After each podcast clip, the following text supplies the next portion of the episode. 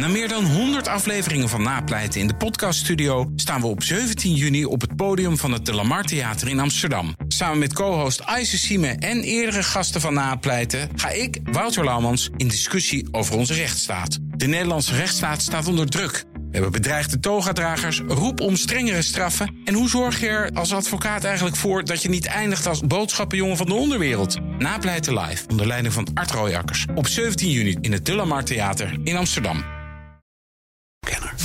Postma in Amerika. Tijd voor het Amerikaanse nieuws door de ogen van onze correspondent in Washington, Jan Posma. Jan, in Amerika zijn de ogen gericht op president Biden en zijn reis naar Europa, maar zijn vicepresident heeft ook net haar eerste internationale reis gemaakt. En die kreeg meteen kritiek. Ja, ze bezocht eh, Guatemala en Mexico natuurlijk om, om afspraken te maken over immigratie. Uh, die afspraken zijn er ook gemaakt. Er gaat onder meer uh, 90 miljoen die kant op. En in Guatemala wordt corruptie aangepakt. Nou, er zijn nog meer dingen afgesproken. Maar vanaf de conservatieve kant, conservatieve media, kwam vooral veel kritiek. Omdat ze niet naar de grens zelf ging. en daar werd ze tijdens de reis ook naar gevraagd. En haar antwoord zorgde zelfs in het Witte Huis voor wat frustratie, meldt CNN. This whole thing about the border, we've been to the border. We've been to the border. You haven't been to the border. I, and I haven't been to Europe. And I mean, I don't, I don't understand the point that you're making. I'm not discounting the importance of the border. Ja, uh, niet echt een heel sterk antwoord. Hè. Harris, uh, is, zo is de uitleg, wil niet te veel gezien worden als uh, de grote immigratietsaar van het Witte Huis. En volgens CNN probeerden ze daarom ook een reis naar de grens te voorkomen. Zij wil zich presenteren als de persoon die de oorsprong van die immigratie aanpakt. De, de, de, de oorzaak van het probleem.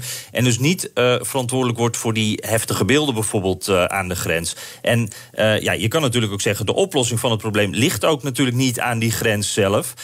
maar Harris Harris gaf hiermee dus ook munitie aan haar critici. En uh, na dat mediastormpje heeft ze toegegeven en gezegd... ja, ik ga wel naar de grens, we weten alleen nog niet wanneer. En in het Witte Huis denken ze nu van... ja, die reis wordt nu overschaduwd... en, en zijn ze dus toch wel wat kritisch op Harris. Ja, en die kritiek beperkt zich niet tot de Republikeinen... want die lachen ze kapot...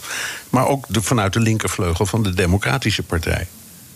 Ja, want, want ze deden in Guatemala ook nog een oproep aan uh, potentiële migranten. Mensen die, die overwegen om die reis naar Amerika te maken. En zij zei toen heel duidelijk: doe het niet. I want to be clear to folks in this region who are thinking about making that dangerous trek to the United States-Mexico border.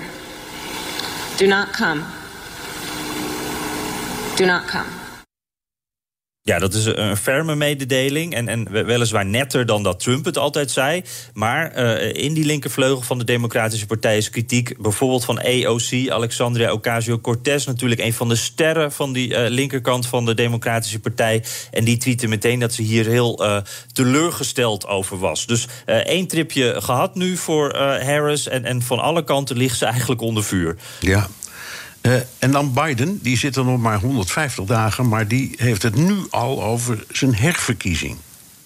Ja, Bernard, het, het deed me bijna aan uh, Trump uh, denken. Vind je niet? Die had het ook ja. meteen al over zijn herverkiezing.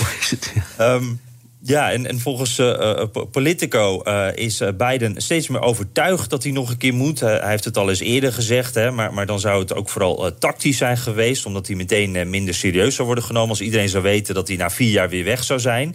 zou hij een soort leemduk worden. Nou, nu zou dat anders zijn. Een democraat uit de omgeving van het Witte Huis zei daarover: ja, zou een president die één termijn wil, een portret van Franklin Delano Roosevelt boven de haard hangen? Nou ja, die haalde natuurlijk vier termijnen. Ja, die was niet weg te slaan. Nee. Nee, precies. Dat kon ja. toen ook nog.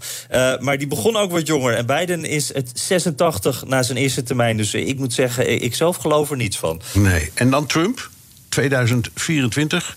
Duurt nog even voordat uh, we het weten. Gaat hij, maar hij is wel aan een tour bezig, hè?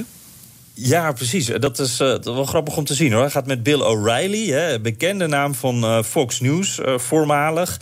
het heet de History Tour. Met het echte inside verhaal over het Trump-Witte Huis wordt gezegd. Vanaf december gaat dat gebeuren. Onder meer in Florida en Texas staan vier data gepland. Ja, en dan zou je dus alles horen. dit is de tekst die erbij werd gegeven over de echte problemen van Amerika. Die de fake news media geheim houden. Nou, dat klinkt verdacht veel als een campagne-rally waarvan we er al zoveel hebben gezien. En daar kon je gratis heen. En hier moet je voor betalen. Dus uh, dit lijkt ook wel een handig verdienmodelletje. Ja.